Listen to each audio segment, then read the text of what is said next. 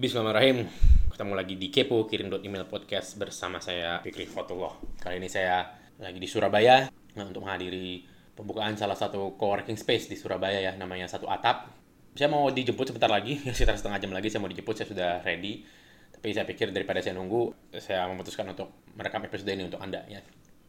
Kemarin, kemarin malam ya saat saya tiba di Surabaya adalah merupakan momen yang sangat spesial sekali untuk saya pribadi. Kenapa? Karena tadi malam adalah kopdar perdana kirim email uh, dan, dan itu terjadi di Surabaya atas inisiasinya salah seorang pengguna kirim email juga namanya Nuril ya. Jadi iseng-iseng Nuril nanya, Mas kita kopdaran nggak Mas gitu. Uh, ya udah boleh uh, karena saya saya pikir waktu saya sangat mepet di sini ya. Saya nyampe itu jam 5 atau jam 6 sore ya dan event saya hari ini tuh pagi. Jadi rencana awal adalah saya nyampe terus ya saya mungkin makan malam sama beberapa teman dan uh, mungkin ya panitia ada rencana buat saya saya nggak tahu. Tapi gitu Nuril bilang itu maka saya langsung iya kan? Ya kalau uh, saya bilang sama Nuril kalau kamu mau uh, arrange silahkan kita akan kopdar. Dan bener di arrange yang awalnya 30 orang langsung full gitu saya broadcast uh, emailnya saya kabarin langsung full. Alhamdulillah. Terus uh, Nuril inisiatif mas langsung full mas. Kita bikin ke 50 orang ya kita pindah ruangan. Ya wes pindah ruangan. Pindah ruangan 50 orang dan full lagi ya jadi uh, kemarin malam memang cukup ramai ya untuk persiapan yang cuman uh, satu dua hari ya. Terima kasih Nuril dan terima kasih jika anda mendengar ini dan anda datang ke Obdar Perdana tadi, tadi malam. Jadi setelah beberapa tahun kirim dua email berjalan, baru itu saya kita beneran kopdar ya. Dan senang sekali bisa ketemuan langsung dengan beberapa user yang uh, beberapa pengguna ya yang selama ini mungkin uh, cuman ketemuan via chat atau via ngobrol di uh, Facebook atau via ngobrol di Facebook group atau via uh, messenger gitu-gitu ya atau via email ya. Nah ini bisa ketemu langsung, bisa ngobrol langsung, bisa mendengar masukan langsung. Itu buat saya pengalaman yang sangat berharga dan terima kasih uh, untuk anda yang datang. Jika anda dengar ini anda datang, terima kasih dari hati saya yang paling dalam dan saya mohon maaf karena saya terlambat ya uh, karena pesawatnya delay dan cuaca cuaca kemarin cukup deras hujannya. Jadi nah, itu membuat uh, saya delay. Oke. Okay? Nah, ada satu yang menarik uh, tadi malam dan uh, ingin saya bahas di episode ini adalah bagaimana uh, jualan untuk orang yang nggak nyaman jualan gitu loh ya. Dan ini pribadi sangat beresonansi, beresonansi sama saya karena saya pribadi bukan orang yang nyaman jualan bukan nggak nyaman ya uh, lebih ke ya itu tidak tidak natural buat saya gitu loh ya. Beberapa orang saya lihat sangat natural di dunia sales sangat natural dengan skill jualan ya. Beberapa orang seperti itu. Tadi malam yang gak usah jauh-jauh tadi malam ada seorang mbak-mbak seorang ibu ya. Yang mengatakan ya, ya yang saya lihat jualannya memang jago banget gitu loh ya. Yang dia mau naikin harga itu malah orderannya nambah gitu modelnya seperti itu. Sangat natural gitu hmm, tapi tidak semua kita seperti itu. Dan buat saya tidak tidak masalah ya. Nah ini di episode ini uh, kita akan bahas bagaimana uh, jualan untuk orang yang nggak nyaman jualan. Karena kan jualan itu kan gimana pun ceritanya kan itu kan garis depan bisnis kita ya. Tidak ada penjualan tidak ada sales tidak ada cash yang akhirnya bisa membuat bisnisnya seret kan gitu Nah, saya ada beberapa solusi dari pengalaman saya untuk uh, bagaimana cara jualan untuk orang yang tidak biasa jualan. Sebenarnya ini ada ada bukunya ya. Ada bukunya dan itu bisa ada ada di Gramedia kalau nggak salah. Yang nulis siapa saya lupa, tapi saya dulu pernah baca itu pinjam dari uh, teman ya. Tapi uh, saya, saya lupa uh, dan ya karena bukunya buat saya tidak tidak membekas buat saya karena uh, yang nggak ada yang mau diingat dari situ gitu ya. Tapi uh, ini yang anda dengar ini adalah pengalaman saya pribadi ya karena saya juga bukan orang yang natural untuk jualan ya. Uh, makanya saya ada beberapa solusi yang mungkin bisa anda terapkan. Oke okay, yang pertama adalah fokus di produk. Fokus di produk yang bagus puaskan beberapa orang yang benar-benar menjadi target pasar anda ya. Dan itu akan biasanya nyebar dengan sendirinya karena saya percaya akan produk yang bagus itu bisa menjual diri sendiri. Bukan berarti gini jangan salah artikan itu saya ngomong produk yang bagus itu bisa menjual diri sendiri. Anda buat produk yang bagus terus anda diem diem aja di kamar terus uh, produknya dipajang gitu ya. Enggak enggak enggak seperti itu maksud saya. Cuman saya sering banget ketemu orang yang ya menurut versi saya menurut menurut hemat saya menurut pandangan saya dia tidak gitu jago banget jualan tapi dia jago banget bikin produk yang bagus. Sehingga gitu saya beli saya saya gunakan produknya.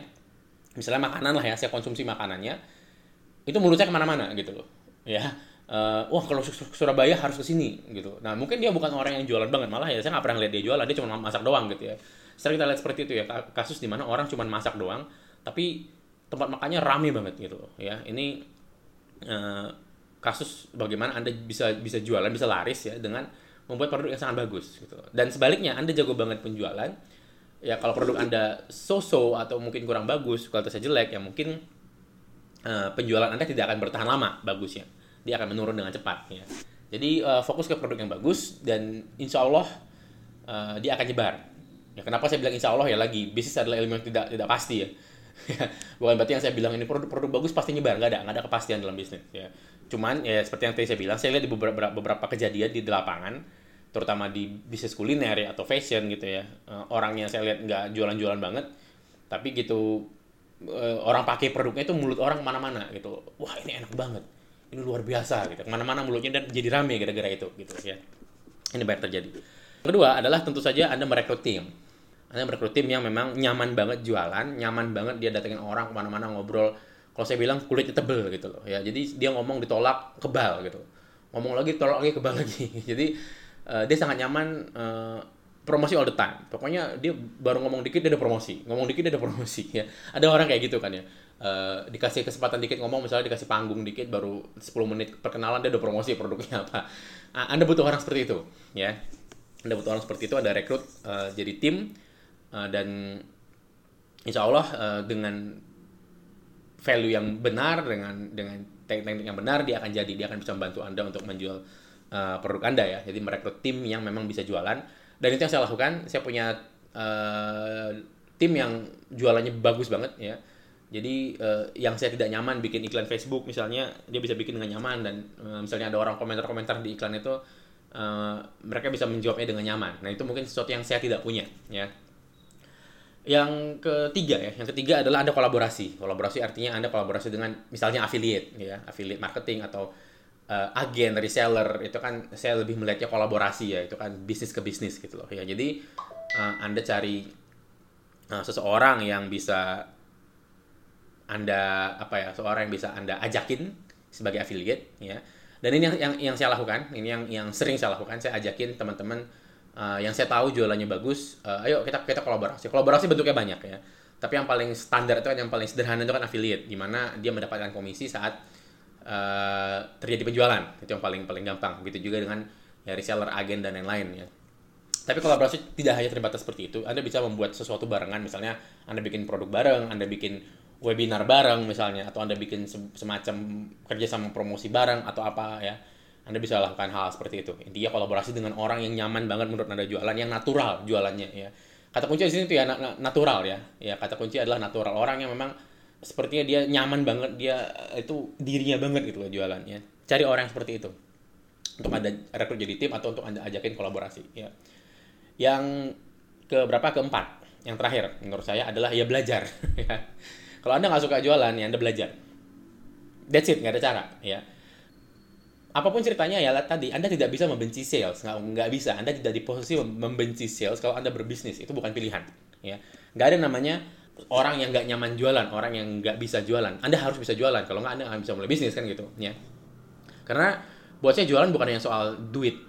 Anda mempresentasikan ide Anda ke orang itu Anda jualan sebenarnya. Anda menjual ide Anda kan gitu Anda ketemu investor Anda menjual ide bisnis Anda itu kan Anda jualan sebenarnya Nah, dan buat saya uh, belajar jualan adalah uh, proses penjualan maksud saya adalah proses yang terukur dan bisa dipelajarin dan dan bisa diduplikasi gitu. Jadi kalau Anda ada lihat orang yang berhasil jualannya, itu prosesnya bisa Anda duplikasi, bisa Anda uh, pelajarin polanya gitu loh, ya.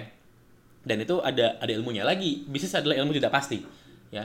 Bukan berarti cara yang dia lakukan gitu Anda plak-plak tiru itu berhasil, bukan, nggak seperti itu, bukan seperti itu maksud saya. Tapi Anda bisa memodel, Anda bisa meniru apa yang dia lakukan. Misalnya, uh, dia kalau lagi jualan itu sering pakai jas misalnya. Misalnya lagi uh, datengin klien itu dia pakai jas. Nah mungkin bisa anda tiru ya. Anda coba beli beli baju yang bagus beli jas yang yang lumayan gitu ya. Atau anda uh, pakai baju yang bagus lah mungkin nggak harus jas. Coba cobain gitu cara-cara dia. Tiru uh, body language-nya bahasa tubuhnya intonasi dia gimana pemilihan kata-katanya seperti apa ya. Begitu juga dengan jualan online. Ya dia bikin landing page seperti apa itu bisa anda model. Jangan ditiru ya. Tiru jadi menjiplak. Itu tidak saya rekomendasikan tapi bisa anda model ya. Bisa anda uh, pelajarin polanya gitu. Kira-kira seperti itu ya. Jadi penjualan bisa anda pelajarin. Mungkin anda butuh waktu mempelajarinya dan mungkin karena lagi ya tidak natural mungkin hasil yang anda dapatkan tidak seperti orang yang natural apalagi di awal-awal. Itu nggak nggak masalah buat saya. Itu adalah proses ya. Saya juga sampai sekarang kalau jualan pribadi itu tidak pernah mengalahkan orang yang penjualannya uh, apa ya skill jualnya itu natural gitu loh ya dan saya nggak nggak masalah saya nggak nggak keberatan karena emang ya uh, mungkin saya emang bukan orang yang seperti itu. Tapi saya belajar saya mempelajari semua hal yang bisa saya pelajari tentang sales. Buku-buku sales yang bisa saya baca saya baca. Video-video tentang sales yang bisa saya baca pelajari saya pelajarin itu pasti ya. Kesimpulan saya adalah itu ilmu yang bisa anda dapatkan. Itu adalah skill yang bisa anda kuasain gitu loh ya.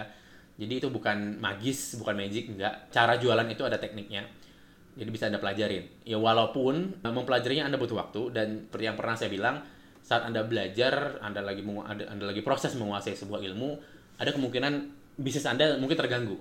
Ya, saat Anda lagi fokus belajar, Anda, anda kemungkinan besar tidak lagi megang bisnis kan gitu.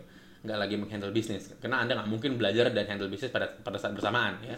Misalnya Anda lagi ikut seminar seminar sales misalnya, Anda nggak mungkin uh, menjalankan bisnis Anda saat, pada saat bersamaan ya. Nggak akan fokus belajarnya. Nah, karenanya Anda bisa tadi ya kolaborasi atau merekrut tim sambil Anda belajar. Gitu loh. Oke? Okay? Itu aja mungkin dari saya dari uh, episode dari Surabaya ini ya. Surabaya uh, kota yang sangat ngangenin menurut saya makanannya enak orang-orangnya tegas ngomongnya langsung saya suka banget saya, saya seperti pulang ke rumah seperti pulang ke Medan ya terima kasih Sur Surabaya uh, terima kasih yang yang kemarin datang kopdar sekali lagi saya bilang terima kasih itu merupakan momen yang sangat berharga untuk saya ya terima kasih Nuril terutama yang sudah membuat semua ini uh, jadi realita ya yang tadi cuma obrolan-obrolan iseng rupanya kejadian ya uh, terima kasih sekali dan gunakan kode kode kupon kepo ya untuk uh, mendapatkan diskon berlangganan kirim email silahkan ke kirim email itu alamat website ya silahkan ke kirim email itu uh, gunakan kode kupon kepo untuk mendapatkan diskon jika anda ingin berlangganan aplikasi email marketing yang kami desain khusus untuk pebisnis online di Indonesia. Saya Fikri Fatullah dari kirim email. Terima kasih. Assalamualaikum warahmatullahi wabarakatuh.